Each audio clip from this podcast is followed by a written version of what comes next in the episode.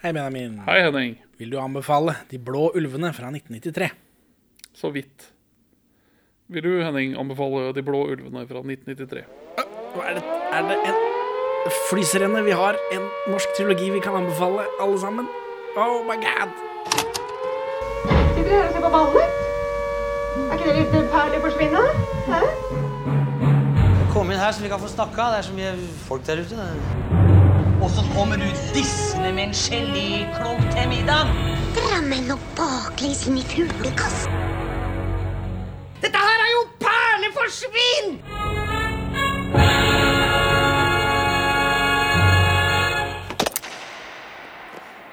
Velkommen til Perle forsvinn, podkasten for deg som er småforelsket i Petronella Barker. Tross alle hennes begrensninger. Begrensninger? Nei, ok, hun spiller ganske bra i denne. Eh, vi er to middelmådige menn i 30-åra som ser norske filmperler, og nå har vi jo Eller nå, i dag, skal vi avslutte Pelle og Proffen-trilogien. Delen av Arne Skouen Sommer volum 2. Eh, vi sitter på en ikke navnet eh, utdanningsinstitusjon, større utdanningsinstitusjon i Oslo, og har ikke med oss riktig mikrofonstativ, men vi håper det går bra likevel. Krysser fingrene for det, baby. Skal vi se litt på filmplakatene, for det føler jeg kanskje vi må gjøre så vi har noe å gjøre. Det er bare å vise frem. Døden på Oslo S, den har du hørt om? Det har jeg. Beskriv den for meg. To 90-talls barn Ja, som i Pelle og varier, Proffen, da. varierende grad er i kommet i puberteten. Står oppå rød tekst foran et gult kvinneansikt. Vi ser deler av munnen hennes, men vi ser ikke noe nese i dette litt overeksponerte, gulfiltede bildet. Over, det, over hennes panne igjen står det 'Døden på Oslo S'. Ja, for dette er jo den plakaten som jeg vil si er den mest ikoniske. Det har det gule trynet hennes, og så har de hadde de hatt Photoshop, men de har vel bare hatt saks, så har de klippet ut Pell og Proffen og lagt oppå ansiktet hennes. Hva har de tenkt når de lagde denne, tror du? Hvorfor har de gjort det sånn? De, de, de, vil- jo øh, gjøre den slående, og det er den jo. Ja, gult er slående, Men, uh, men de, det er litt rar, gutta rart. boys er litt malplasserte. Jeg ser også at mellom denne Døden på Oslo S-logoen, så er det en slags Pelle og Proffen-logo. Ja, nå har ikke jeg noe godt eh, forhold, eller jeg kjenner jo ikke disse bøkene, men jeg ser for meg at det har noe med det å gjøre. Ja, kanskje. Ja, For det er ikke samme omriss som er klippet ut her, som er utgangspunktet for den logoen, nei. Nei, men eh, gult bilde, rød tekst, for så vidt riktig, hvis man skal vekke oppsikt. Jeg syns det er litt rart at de har bare klippet ut Pelleproffen og limt oppå trynet til eh, Lena. Men vi husker den jo. Nå er vi på Giftige løgner. Det er den der uh, Giftige løgner sk- hodeskallelogoen som du har lovt uh... Ja, jeg, jeg, har, jeg har brukt et, en, en plug-in for å ta skjermbilde av En YouTube-plug-in for å ta skjermbilde når jeg har leid Giftige løgner på YouTube. Og det viser seg at den skjermbildefunksjonen ikke fungerer når man leier film.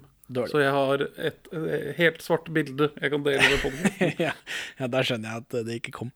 Men for det her, skjønner du her, For dette er jo et bilde av, av de tre, Ja. med lommelykt og noen greier. Og dette, men, og, og dette er jo en scene som aldri skjer i filmen. Ja, men denne plakaten er også signert. Eller altså, den er ikke signert. De har, de har skrevet navnet sitt på den. Alle skuespillerne har skrevet navnet sitt på der hvor de står. Og så er det trygt. Jeg kan ikke si jeg har sett det før, for det er signert med deres navn, ikke karakternavn. Det var vel uh, Norges nye skuespiller-darlings. De har jo reist mye rundt, seg jeg, i promoøyemed og signert ting. Så hvis noen har noe eh, som er signert, så Henning is your man. ta kontakt, altså. Fordi det trenger jeg. Spesielt uh, Helle Li Figenschou er vanskelig å få tak i, Ja, men jeg. jeg skal ikke beskrive hva vi ser her, da. Jo, jo, jo, hvis ikke vi var ferdige. Så det, det, det er innrammet bilde her. Over rammen står det 'Det fins farligere steder enn Oslo S'. Ja, riktig. Og kaste tilbake til er- det er- den populære filmen. Det er jo ingen som blir drept i denne filmen, er det det? Nei, det stemmer jo ikke, men altså, det er jo riktig gjort av de å kaste tilbake til den filmen folk vet hva er, da. Under rammen så er det denne giftige hodeskallelogo-løgner. Eh, og så er det på, på bildet så er det Pelle Nei, så er det Proffen, Pelle og Lena i et mørkt rom med tønner bak seg. Og dette skjer aldri i filmen at alle disse tre er på tønnestedet. Nei. Det er bare Pelle og Proffen som er på tønnestedet. Busted. Og så er de Det bildet er da signert som juks. Ja. Så er det denne filmen, De blå ulvene. Det går bare nedover med, med plakatkvaliteten, spør du meg, da. Ja, det, øh, dette er, er vi på det, søppel. Ja, nå vi, har de lagt lite innsats i det. Hva ser vi?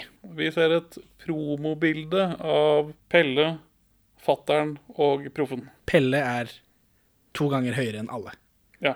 Fordi det bildet er lagt på skeivt på plakaten. Så det ser ut som han står og ruver over de to andre og ser ned på de. Så er det et terningkast seks fra en eller annen, et eller annet sted, og noe sånt sitat. Topp, Pelle og proffen. Og så, Ja, dette er vel norske klassikerversjonen, for det er Ja. den som er lettest å få. Jeg tror ikke det var på den ordentlige plakaten. og så er det de blå ulvene, hvem som produserte, Sigurd og Ingvar Amundsen. Ja, dette, dette, dette er sånn 90-tallssøppel. Jeg har ikke lagt noe innsats i det, så det syns jeg var dårlig. Jeg, jeg, ser for øvrig jeg, jeg gikk inn og så på IMDb hva disse filmene bedømmes. Jeg, eller jeg gikk inn på denne, da, De blå ulvene. Og da, jeg Fem og en halv. Ja, da leste jeg anmeldelsen der, og sa, da sto det fra en eller annen bruker at dette den er ikke like bra som Døden bortles, men den er bedre enn Giftige løgner. Ja, det stemmer jo ikke. Det er feil. Ja. For da, da- Døden bortles har 6,0 på IMDb. eh, Giftige løgner har 5,3, og denne har da 5,5. Av 10, som det er på IMDb. Nei, det var plakatene, da. Sånn ser det ut. Det, den DVD-en jeg har, så har de jo På DVD-disken så har de tatt bare På denne, De blå ulvene. Nå, det du beskrev av coveret nå, eller plakaten nå, det er jo også coveret. Pelle, fattern, proffen. På DVD-en så har de bare tatt deler av det bildet og slengt på, ikke sant? Men de har bare fått med seg pr- fattern og proffen. Pelle er ikke med. Så det ser ut som det er en film om, eh, om en fyr og faren hans, da. Men Ja. ja. Han blir Rart. Men sånn er det når ingen bryr seg. Denne filmen, De blå ulvene, er basert på den femte Pelle og Proffen-boka. Terningkast seks i VG, men eh, det var vel en sak om terningkast på bøker her for ikke så lenge siden. Som om det var noe nytt. Uansett så driver vi ikke med terningkast her i podkasten, per Arne Skauens ordre. Ja eller nei, baby? I Arbeiderbladet eh, 1993, så februar 1993, så sier Ingvar Ambjørnsen at Pelle og Proffen er 15 i de fire første bøkene og 16 i resten. Sist gang så trodde jeg at de eldes en, et Ja. år per bok, så det stemmer tydeligvis ikke da. Dette er i forbindelse med bok syv, da han sier det. Eh, han sier også at han ikke har noen planer om å gi seg så lenge han har temaer. Det ble jo ti bøker da. Eh, Håvard Bakke sier til Rogalands Avis i juli 1993 at Pelle og Proffen er 16 år i seks av de syv bøkene, så det er tydeligvis ingen som vet dette. Nei, nei, Skulle jo tro Ingvar Amundsen visste det, da. det, det skulle man kanskje gjette på. Det er han som er autoriteten her. Kanskje. I forbindelse med at Giftige løgner slippes på video, så melder avisa Fremtiden i mars eh, 1993 at eh, Giftige løgner har spilt inn 10 millioner kroner. At det gjør den til den sjette mest innbringende norske filmen gjennom tidene. Og det Jeg tror ikke det stemmer, men samtidig så kan det jo stemme, med sånn indek, uten indeksregulering og sånt noe. Um, jeg, jeg så på oversikt over billettinntekter anno 1994. Og Der står det at denne har spilt inn i billettinntekter har spilt inn 8 millioner og 443 000. De blå ulvene. Ja. Ja, for dette var Giftige løgner. Og Gifte, Forrige film. Jo, Giftige løgner har spilt inn 10 millioner og 431 000. Ja, men er det da den sjette mest innbringende filmen, norske filmen gjennom tidene? Uh, tja, ifølge den lista her, så er ikke det så langt ifra. Nei, for hvis de ikke indeksregulerer det, så kan jeg kanskje være med på det. Døden på Oslo S eh, spiller inn 13,6 millioner kroner. Ja, For der skulle det være rundt 11-12 når vi snakka om det sist, da, men det var i forbindelse med Giftige løgner, så kanskje den har dratt inn litt mer senere, hvem vet. Så det, det, er, det er nedadstigende kurve på billettinntektene, da. Det er det jo, men det er jo også veldig høyt, da. Tydeligvis. Hvis 10 millioner er, er mye, Ja. så er vel åtte og litt til også ganske mye. Og i et intervju da, eh, med Rogalands Avis i forbindelse med forrige film, 'Giftige løgner', så teaser regissør av den filmen, da, Martin Asphaug, en film nummer tre basert på De blå ulvene. Eh, og han sier da selvfølgelig at folk som ser, om de ser 'Giftige løgner', så starter de med innspillingen allerede den sommeren. Og så beskriver han den som den siste, fordi skuespillerne begynner å bli gamle, og sitat 'ikke kan erstattes', sitat slutt. Så det burde jo Olsmann junior-gjengen ha hørt, for de kan jo erstattes lett som bare de. Og i samme intervjuet så melder han også at denne eventuelle siste filmen eh, vil bli sånn som vi ser lite til Lena, og ingenting til Gerd. Eh, så her har de smidd mens liket var varmt, og planlagt for en trilogi allerede. Og han sier dette mens Gerd eh, er til stede. altså hun som spiller Gerd. Hun dukker opp i foto. Ja, hun dukker opp i foto i filmen her, men hun dukker også opp på bildet som tilhører artikkelen. Kleint. ja, det blir ikke noe, er ikke noe mer til deg. Sorry. Du skal jo få barn snart allikevel. Og Solveig er toppløs, var ikke det vi fant ut sist? Siste gang jeg så henne i avisa. Jo. Eh, og så er det noen intervjuer med Håvard Bakke og Tommy Carlsen, selvfølgelig, og da virker det som om eh, Giftige løgner fikk kritikk for å ha for mye action, for mye biler og båter. For de er veldig opptatt av at denne filmen som vi har sett, da, De blå ulvene, at den ligner mer på Døden på Oslo S. At det er mer familie- og vennegreier. Så jeg vet ikke. Hva tror du? Tanker? Er det for mye action i Giftige løgner? Nei, Det var jo ikke det vi kicka på når vi syntes dette var flott. Nei, nei, men det- nei, men det bidrar jo er, jo er jo en av de tingene som bidrar til at filmen har et driv er dynamisk og sånt. da. Jo, men det var ikke det vi syntes var flott. Vi syntes at det var kåte at de tok på hverandre. Det var det som var gøy. Det var det gøyeste. Ja. Ja, så det har ikke mangla på det heller i den forrige, da, selv om de legger det fram sånn. Så det er mulig de har fått kritikk for det, hvem vet. Nordlys, Avisa Nordlys melder i juli 1993 at Håvard Bakke liker Døden på Oslo S best av disse tre.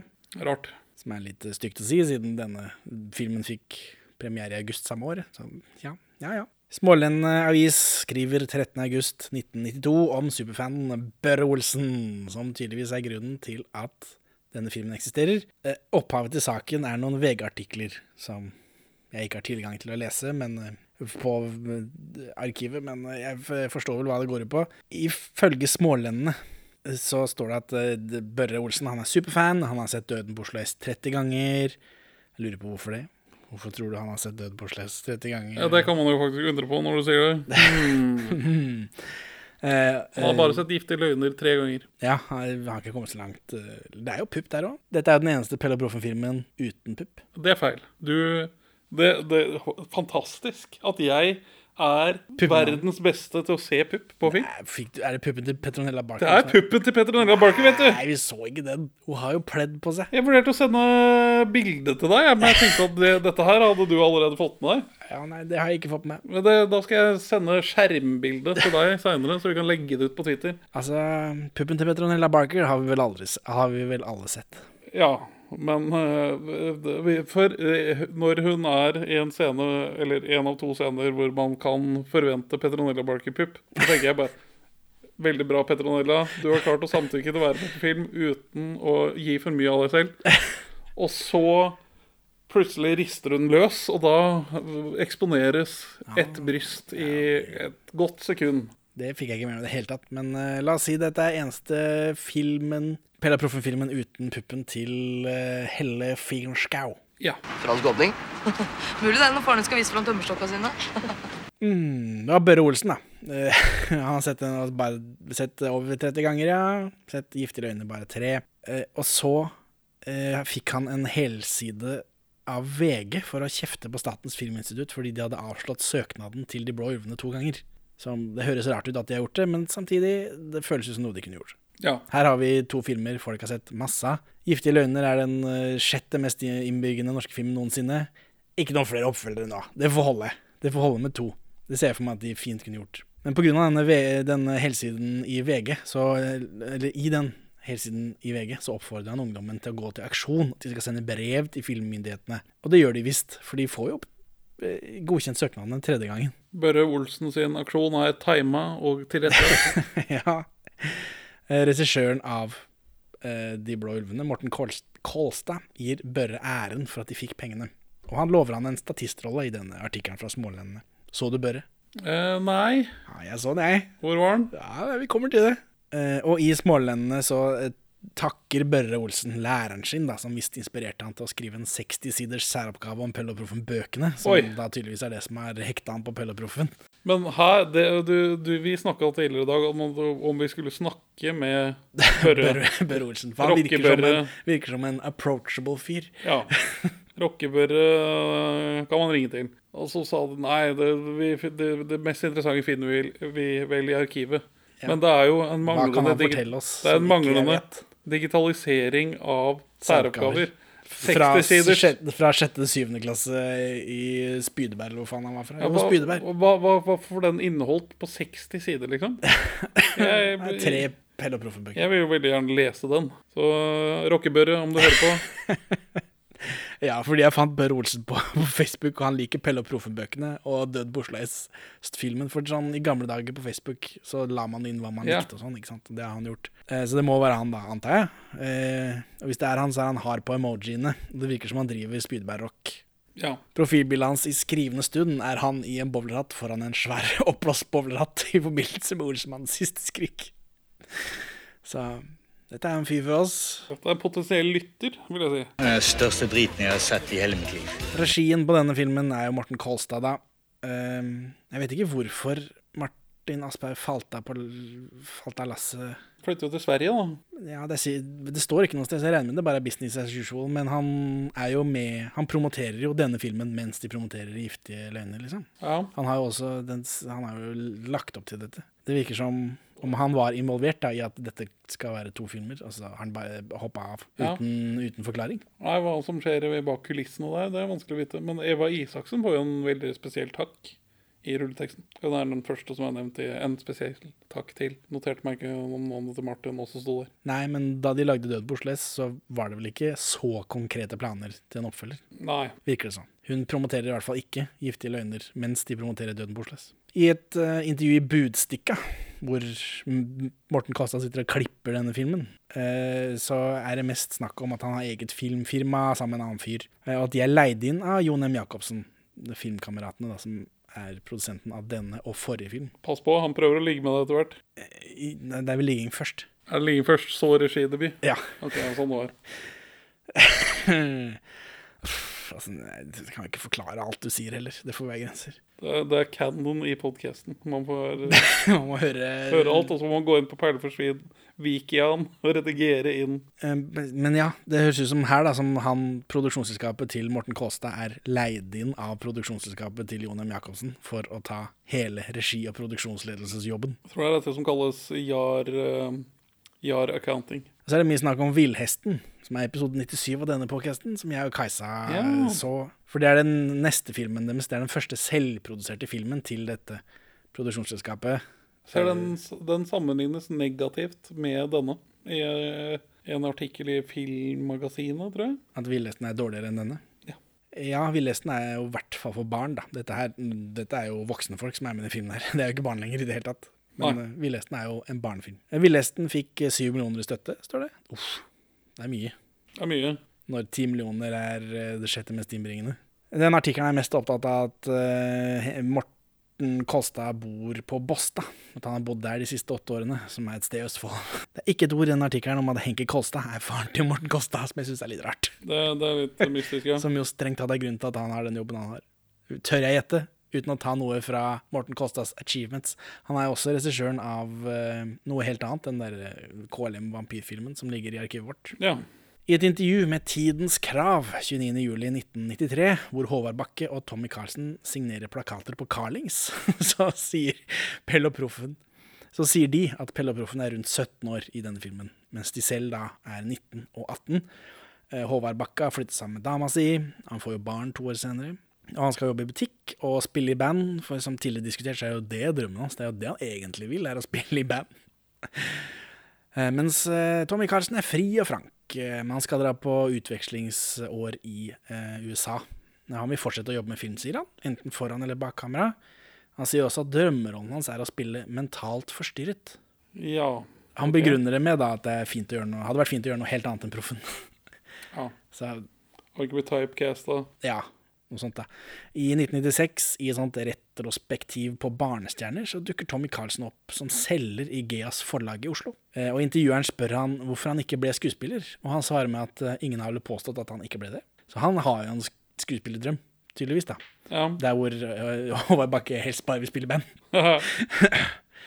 Han er fortsatt interessert i å bli skuespiller, da, Tommy Carlsen, i dette intervjuet. Men han mener, han mener han bør vente litt, så han ikke alltid blir sett på som proffen. Og det er jo lurt, og det er også det han har gjort. Det- For Håvard Bakke blir jo en sånn eh, dubbemester.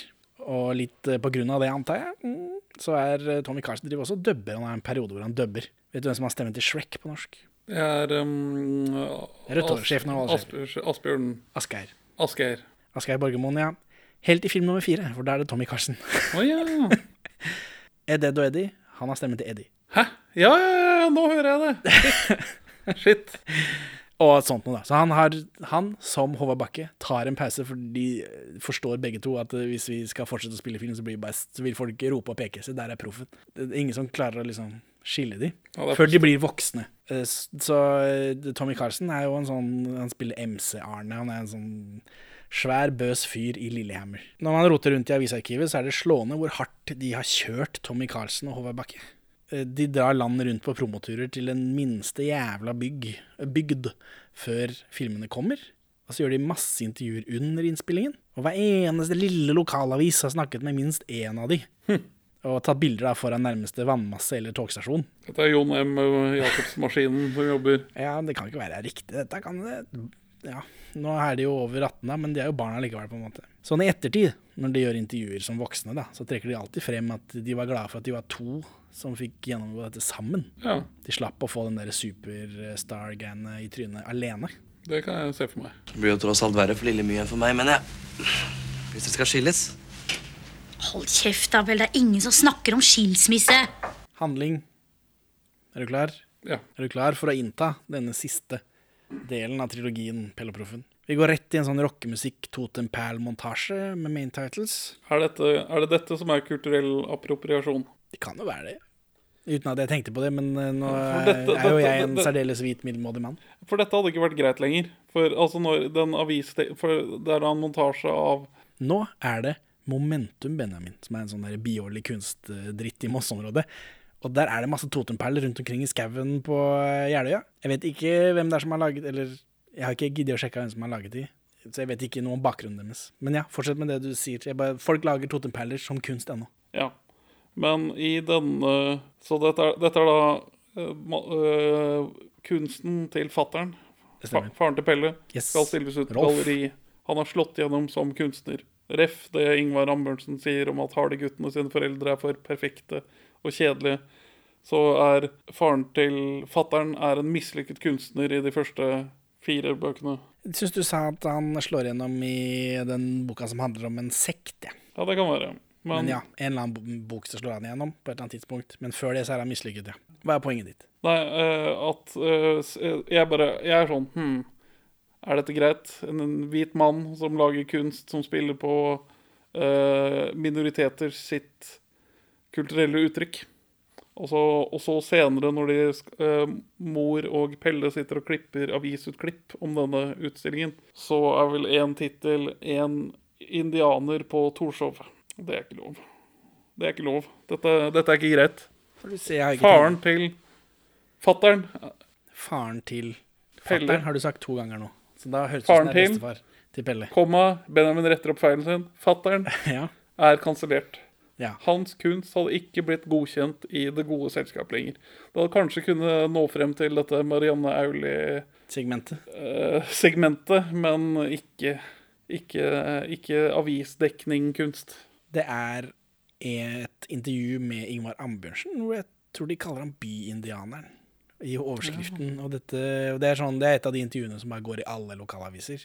For de får jo bare ting av hverandre. Og dette begynner vel å bli noen år siden. Det er det. Det er rundt den tida her, da. I 93 eller noe sånt. Dette kunne skapt reaksjoner i dag. Ja, men jeg, bare, jeg tenkte ikke noe over det før du sa det nå. Men ja, nei, kunstuttrykket til uh, fattern har falt ut av tiden. Så når vi skal reboote dette, så må han kunstne med noe annet. Ja, da må noe rosemaling og sånt, da. Er det det som er inne? Nei, Eller er det bare det- fordi det er det norskeste du Det er det norske. Det, det, det er Stavkikker. Han lager stavkikker. Han kan lage stavkikker. ja, han driver jo med tre allerede. Så Ja. det, Så det er ingen cold open her, da, som i uh, Giftige løgner. Nei. Hvor uh, Lena blir spruta på av Garby Beisvoll. nei. Rett i kjeften. Rett i trynet, er det. Ja. Og på brystene må vi nesten anta. Må nesten anta det, siden hun måtte kle av seg helt for å sjekke et utslett på halsen. Fatteren har dress, han driver og ordner kunsten sin, som tydeligvis skal utstilles.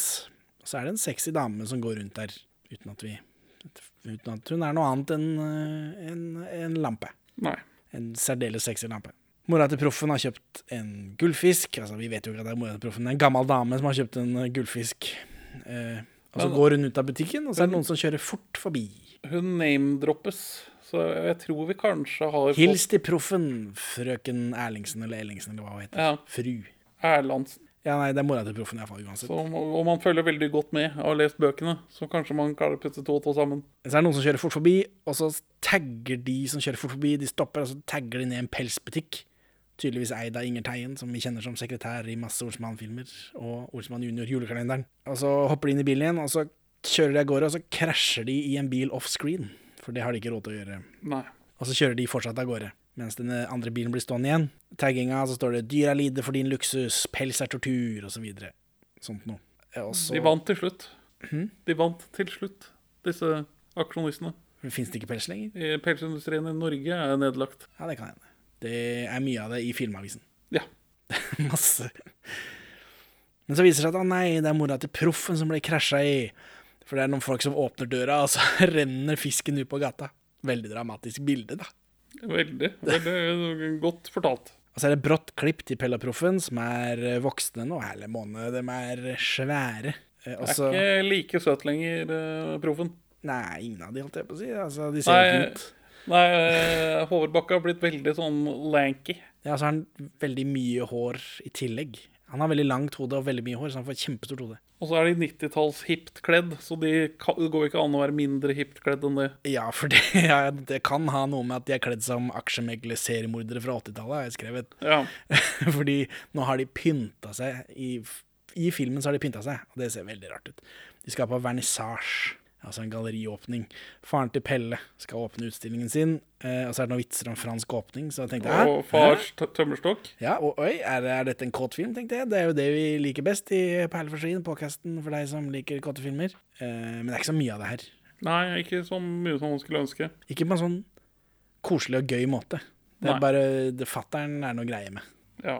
Pelle og Proffen er ikke kjent på Frogner. Jeg trodde de kunne hele Oslo, ja, men det er tydeligvis bare de mørke sidene.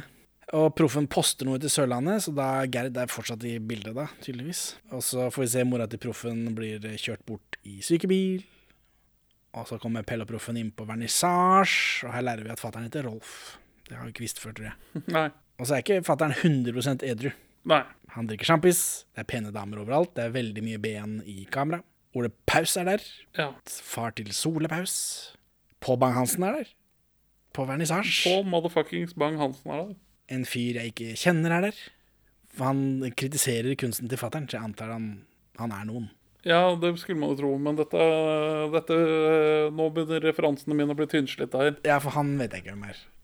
Leffy er der. Han er glad for å se. Han har, det er en film siden sist. Ikke noe fille. Fortsatt ikke noe fille. Nei, han Jeg ser ikke for meg at han er sånn vernissasje-type. Nei, men, men, Jeg skulle ikke tro Leffy var det heller, men han er iallfall tørrlagt, da. Det tror jeg ikke Fila er. nei, men, det, Fila er sikkert død. Men, men det, hvordan man skulle løst Filla-mangelen på, er at Filla har cleaned up his act og blitt sånn dyrevernsforkjemper. Filla skulle jo vært i den aksjonistgjengen. Altså, Pelle og Proffen skulle gå til begravelsen til Filla, syns jeg.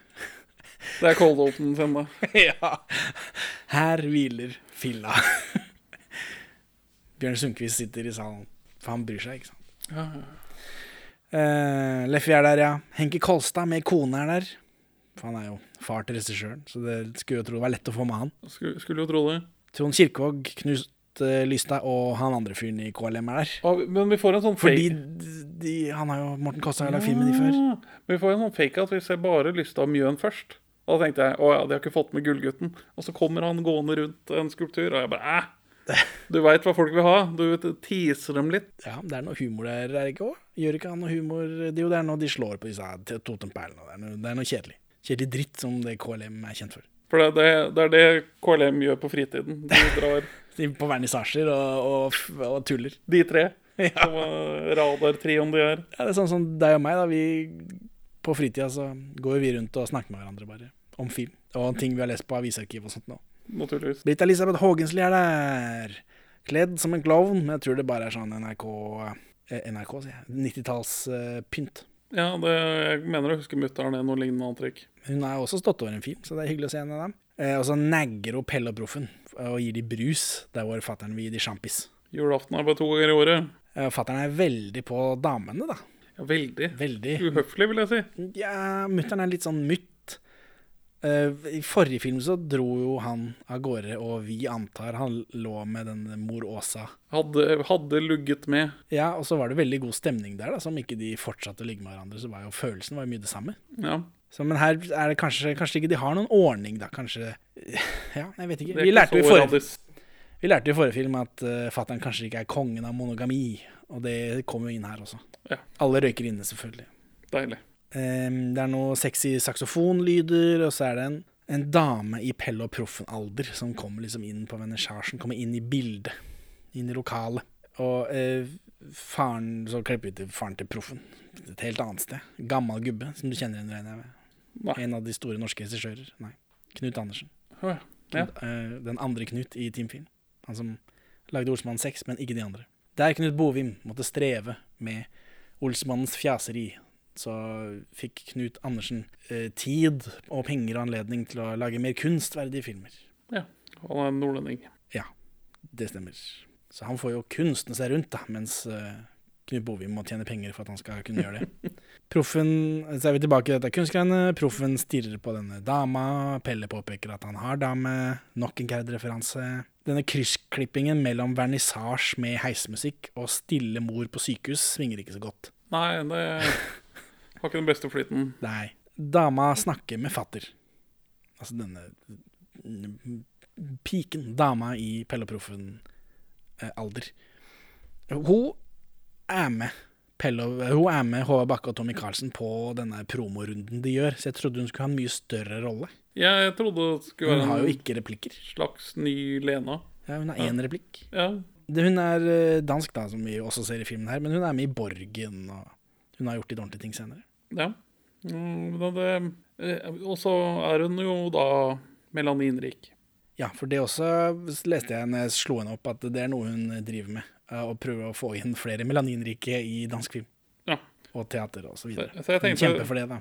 Jeg tenkte, jeg tenkte kanskje dette skulle være et, et eller annet sånt inkluderende grep. Eller at man aktivt prøver å inkludere noen som ikke bare er Nei, men det er et spor i en twist, intrig. Det var det det var. Ja. Det var ikke inkludering. Det var ikke bare du er melaninrik fordi det er sånn du er. Er du er melaninrik fordi eh, det er et spor i plottet. Ja, det, det sånn, Ja. Ja ja. Men hun snakker iallfall med fattern, da. Eh, han blir helt eh, rar, men vi hører ikke hva de sier, og mutter'n står bare og skuler på dem. Og så på slutten av kvelden så er fattern enda fullere, og Leffy tar bilde av hele familien samlet. Han er tydeligvis fotograf, da, i tillegg til Han har et veldig dårlig kamera, men han tar ganske bra bilder for det. Det er merkelig. Merkelig. Eh, han, han skal ta bilde av hele familien samlet, sier han. Og så er proffen der også sånn den mest naturlige ting i verden, så han er også en del av familien, da. Ja, det, det blir det jo, på en måte. I hvert fall når man bor så tett, og de er bestevenner. Ja, men du er ikke i slekt for det. Men uh, Pell og Proffen, da. Pell og Proffen. Tilbake i bygården. Eh, proffen har et bilde, får et bilde av Gerd i posten. Så fint for denne Var det Synnøve? Synnøve Nygaard, da, som ikke får lov å være med i filmen, men som blir referert til i filmen med eh, hele ansiktet. De skriver visst masse, Proffen og Gerd, da. Eh, for de har vært sammen i åtte måneder, men de har bare sett hverandre i fire uker. Eller noe Ja. sånt. det sies litt senere, men ja. Så det er fire, fem brev om dagen, eller noe. Ja, det sier de da, men jeg, jeg håper det er en overdrivelse. Hvis ikke så blir det mye brev. Og, og, eh, Men det er mye brev òg. Og proffen har jo datamaskin. Kan ikke han ISDN-e seg eh, e-post? Jo, men det er mer romantisk eh, for han, vet du. Du skriver ikke kjærlighetsbrev på eh, datamaskin, gjør du det? Sender det på Facebook. I, Nei, men jeg i har, Messenger. I moderne tid så har jeg skrevet eh, og formatert kjærlighetsbrev på datamaskin og printet ut. For jeg, Comic Sans. nei, ikke Den mest romantiske skrifttypen. Arealbaby. Rette linjer. Proffen går inn i leiligheten sin. Faren hans har lagt inn en lapp, for sånn var det før SMS, om at mor hans er på sykehuset, da. Pelle, Proffen og far Proffen, som vi får jo aldri vite navnet på noen av foreldrene hans, egentlig, eh, er på sykehus hos mor Proffen. Og her blir det snakk om at det var en dyrevernaksjon som kjørte på, og mora til Proffen får uventede blomster fra de blå ulvene. Dan, dan, dan. Klager smellen. Så, og da Pelle stikker til en bråkete rockeklubb. Proffen blir, er ekstremt anti-dyrevernsaktivister. Han blir veldig beskyttende overfor sin mor. Ja. Og ja, det, det, det, det, er litt sånn brekksladd å gå fra, vi er på miljøaktivistenes side i forrige film. Og nå er det sånn nå skal vi ta de jævla dyrevernsaktivistene. Ja, men han er, er jo ute etter de på, fordi de kjørte på mora hans, da. Men samtidig, dyrevernsaktivistene de drepte jo to gullfisk i denne Ja, det, Så det, kanskje det betyr noe. det Kanskje det betyr noe. Eh, Pelle stikker til en bråkete rockeklubb. Grungen har vel ikke inntatt Oslo ennå. Nei, det er litt, eh, vi er litt for nærme 50-tallet her, syns jeg, til at det skal være kul rock. Det det bandet er dansk, da, så det er jo veldig internasjonalt. Det er sant. Her, Lena, her, nå dukker Lena opp. Hun er bartender, hun står i baren. Så, Så hun, rock mot rus-T-skjorte. så nå er hun 18, da. Kan vi anta. Man kan ikke servere alkohol hvis man er eh, under 18. Er Lena og Pelle kjærester? Det skulle jeg ønske filmen fortalte meg. For, men, men jeg, for jeg drev og tenkte på det. I, I den forrige filmen så gjør de jo det slutt. ja, men så, Og så prøver hun å redde han, og så skværer de opp. Men vi ser aldri de formelt bli sammen igjen. Eh, Det virker jo ikke som Nei, her sånn. Det de virker jo ikke som de er kjærester. Det virker som de har slått opp og er venner. Ja. Og For, hun for, nå, for hun driver og legger an på han ene fyren i det bandet. Og så, si, så sier hun til Pelle 'er du sjalu', eller? Som om eh, 'ja, det er jeg hvis vi er sammen'. men, men han- hvorfor vil du spørre om eh, jeg er sjalu hvis vi ikke er sammen? Da har det vel ikke noe å si. Og så deklarerer hun at hun skal senere i filmen at hun skal bli med dette bandet tilbake til Danmark. ja, Og da, da må det jo være slutt mellom de. det må jo det. Men det, det sies jo ikke. For, men hun har jo også hengt rundt med litt lugubre folk eh, i husene deres før. Uten at de Ja, har vært sammen. Men jeg, jeg, jeg tror det kanskje er til at det faktisk ble slutt i den forrige filmen, og så har man bare ikke fortalt det ordentlig. Ja, Det tolker ikke jeg av den filmen. Der tolker jeg at de blir sammen til slutt. Det er jo som man avslutter filmer. Men at imellom de to filmene så har det skjedd noe, da. Ja. For de hadde jo problemer da, men så fikk de skværa på å bli sammen. Alle elsker hverandre. Hvis ikke det hadde vært flere filmer, så hadde det vært avslutta sånn. Tolker jeg, da. Men vi er jo forskjellige mennesker, men, dessverre. Men det er, det, er, det er veldig rart at Lena sin rolle i denne filmen er Hun skal helt tydelig ikke være her. Nei. Hun er en ettertanke. Ja.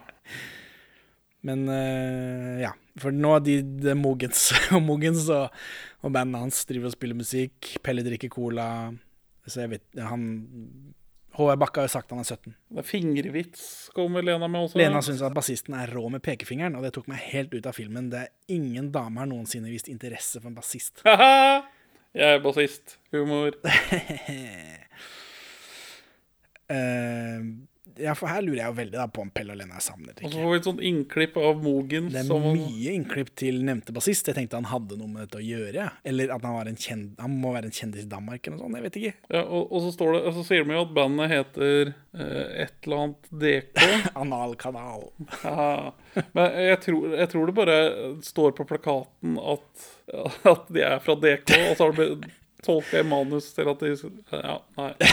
Nei, det er ikke godt. du, du kaller ikke bandet ditt for NO Party er Rockers. Analkanal Norge. Sånn gjør man bare ikke. Om man ikke er et rockabilly-band fra statene på europaturné, liksom.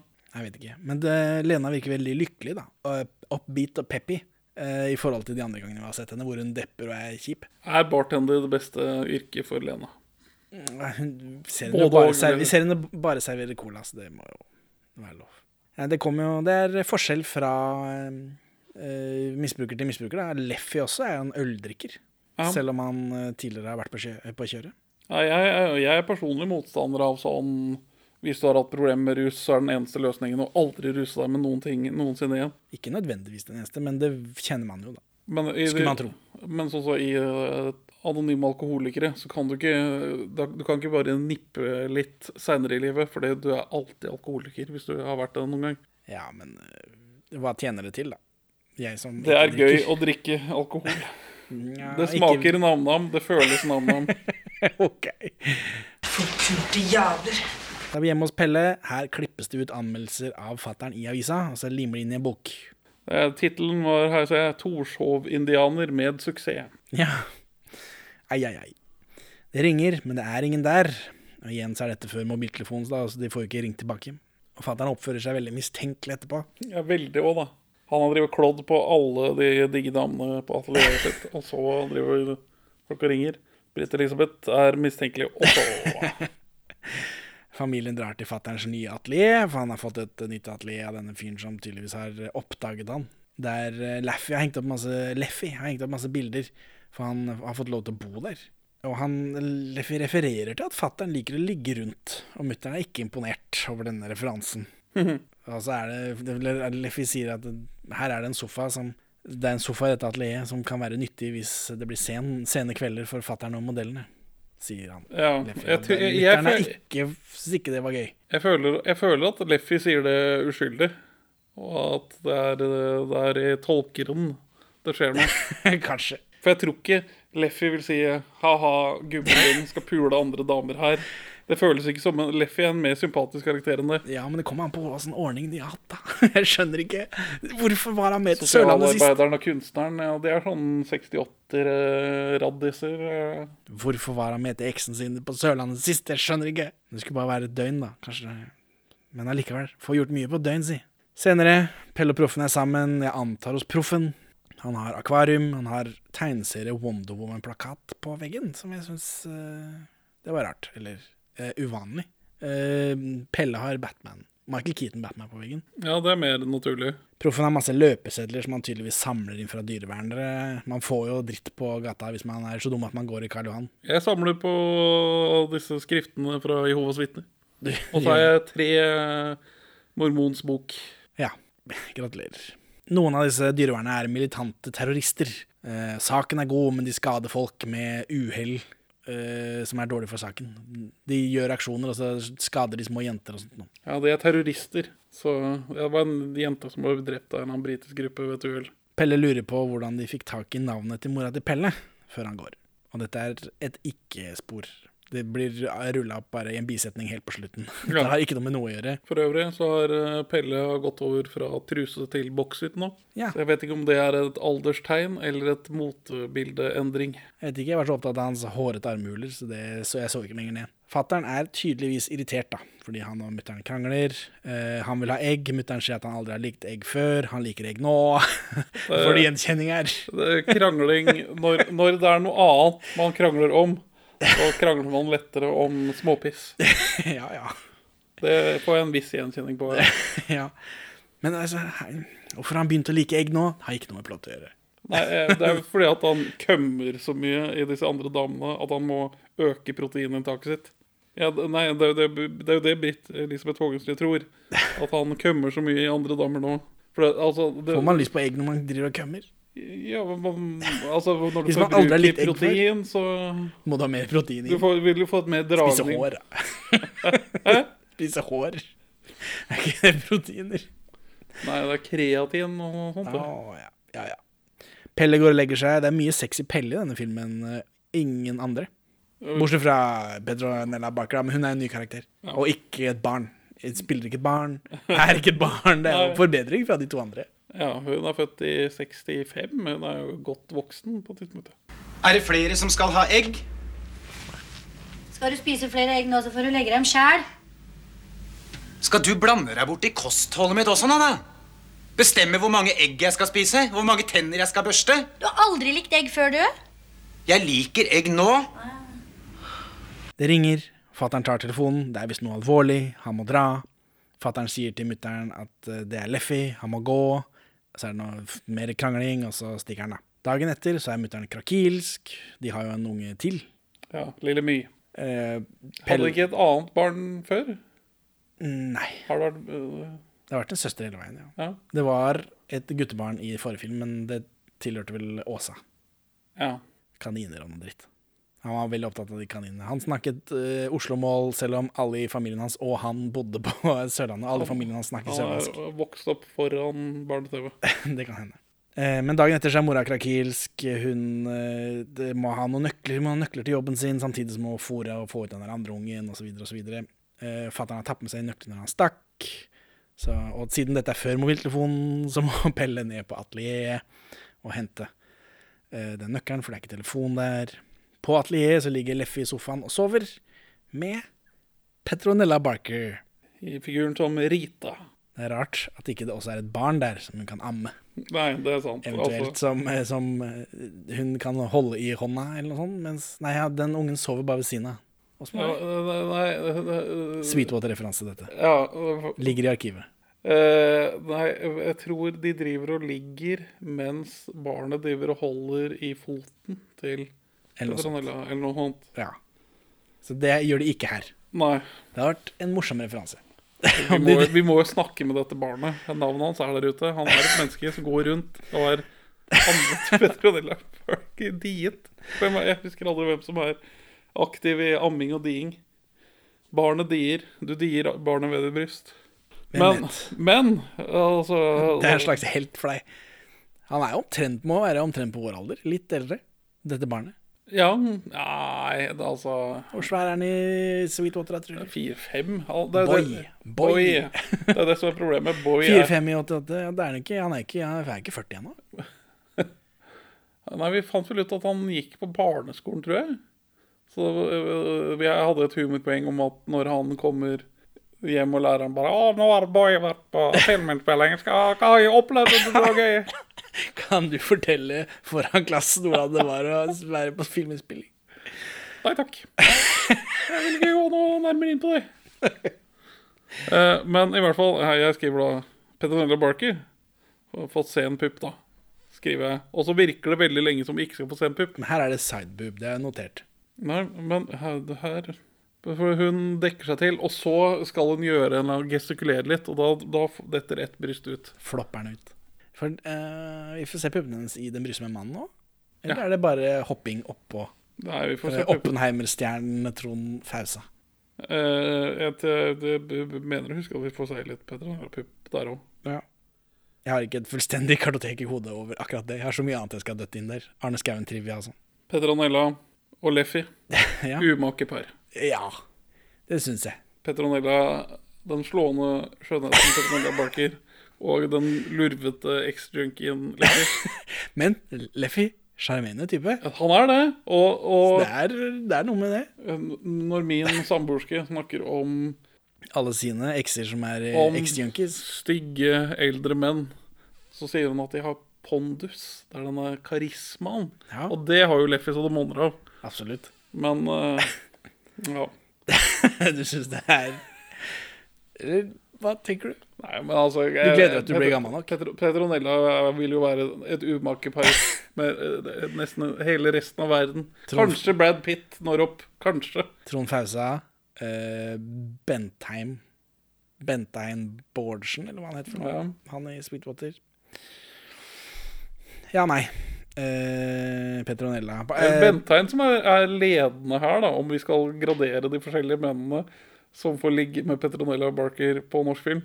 Jeg vil si Bentheim er kjekkere enn hakeløse Oppenheimer-stjerne Trond. hva er det dumme plottet i far, Farvannet? Er det noen dame til Petronella der? Nei, gubbe til Petronella der? Nei, hun har en eksmann.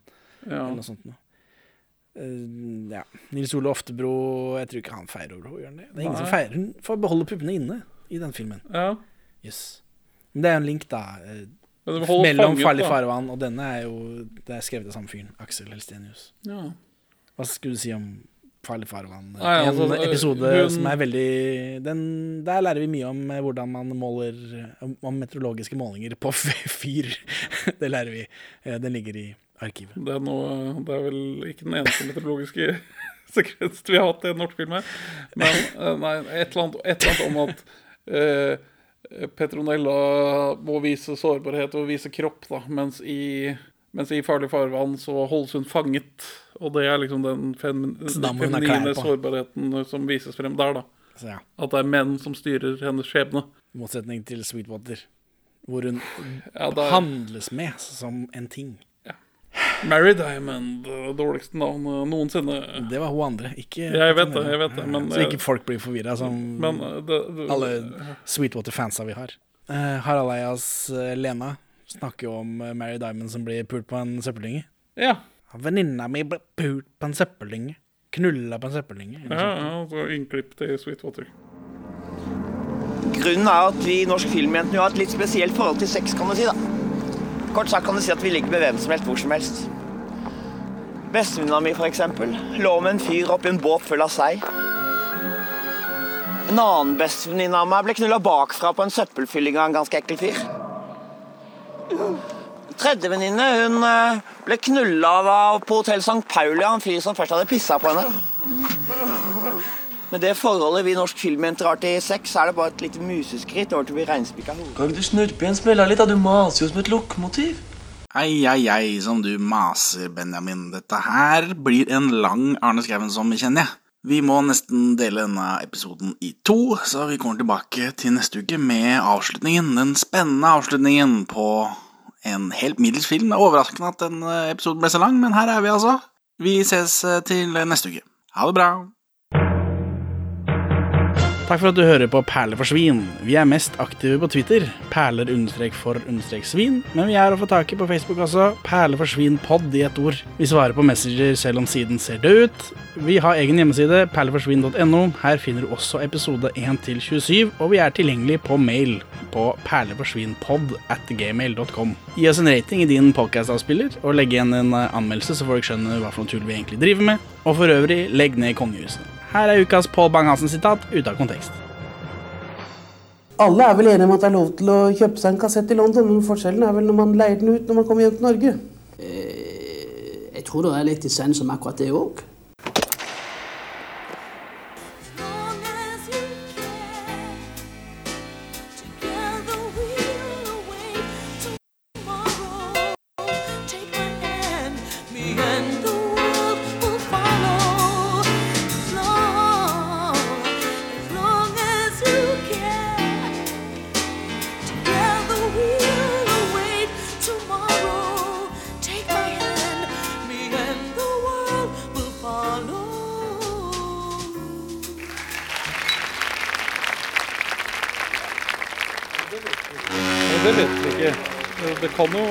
Er en signert kopi som er den som har blitt skannet og digitalisert og spredd rundt på nettet fra start. For jeg, jeg, jeg har ikke funnet noen, noen andre skanninger enn den du driver og viser frem. Eller jo, nei, du har en annen, ser jeg. Du har norske klassikere. Så ja, jo, du har rett. Det er reprodusert med signaturer. Altså, jeg signaturer. Er henter. DVD-er folk gir bort på Finn. Jeg har 4000 Døden på Oslo S-DVD-er, og også en del av de to andre. Og alle er signert på samme måte, hvis det var det du tenkte på. At du tror det, at det kunne vært en ekte signatur. Det er det ikke. Jeg har blitt lurt en gang òg til å kjøpe den, tidlig i min karriere, hvor det sto liksom 'signert'. Fordi det var barn som solgte. De visste ikke at det ikke var signert. Og jeg bare oh, wow, shit'. Signaturen til de folka her. Fantastisk. Hadde ikke med lupe for å se om Nei, det som sagt, tidlig på min karriere. Jeg ble litt ivrig.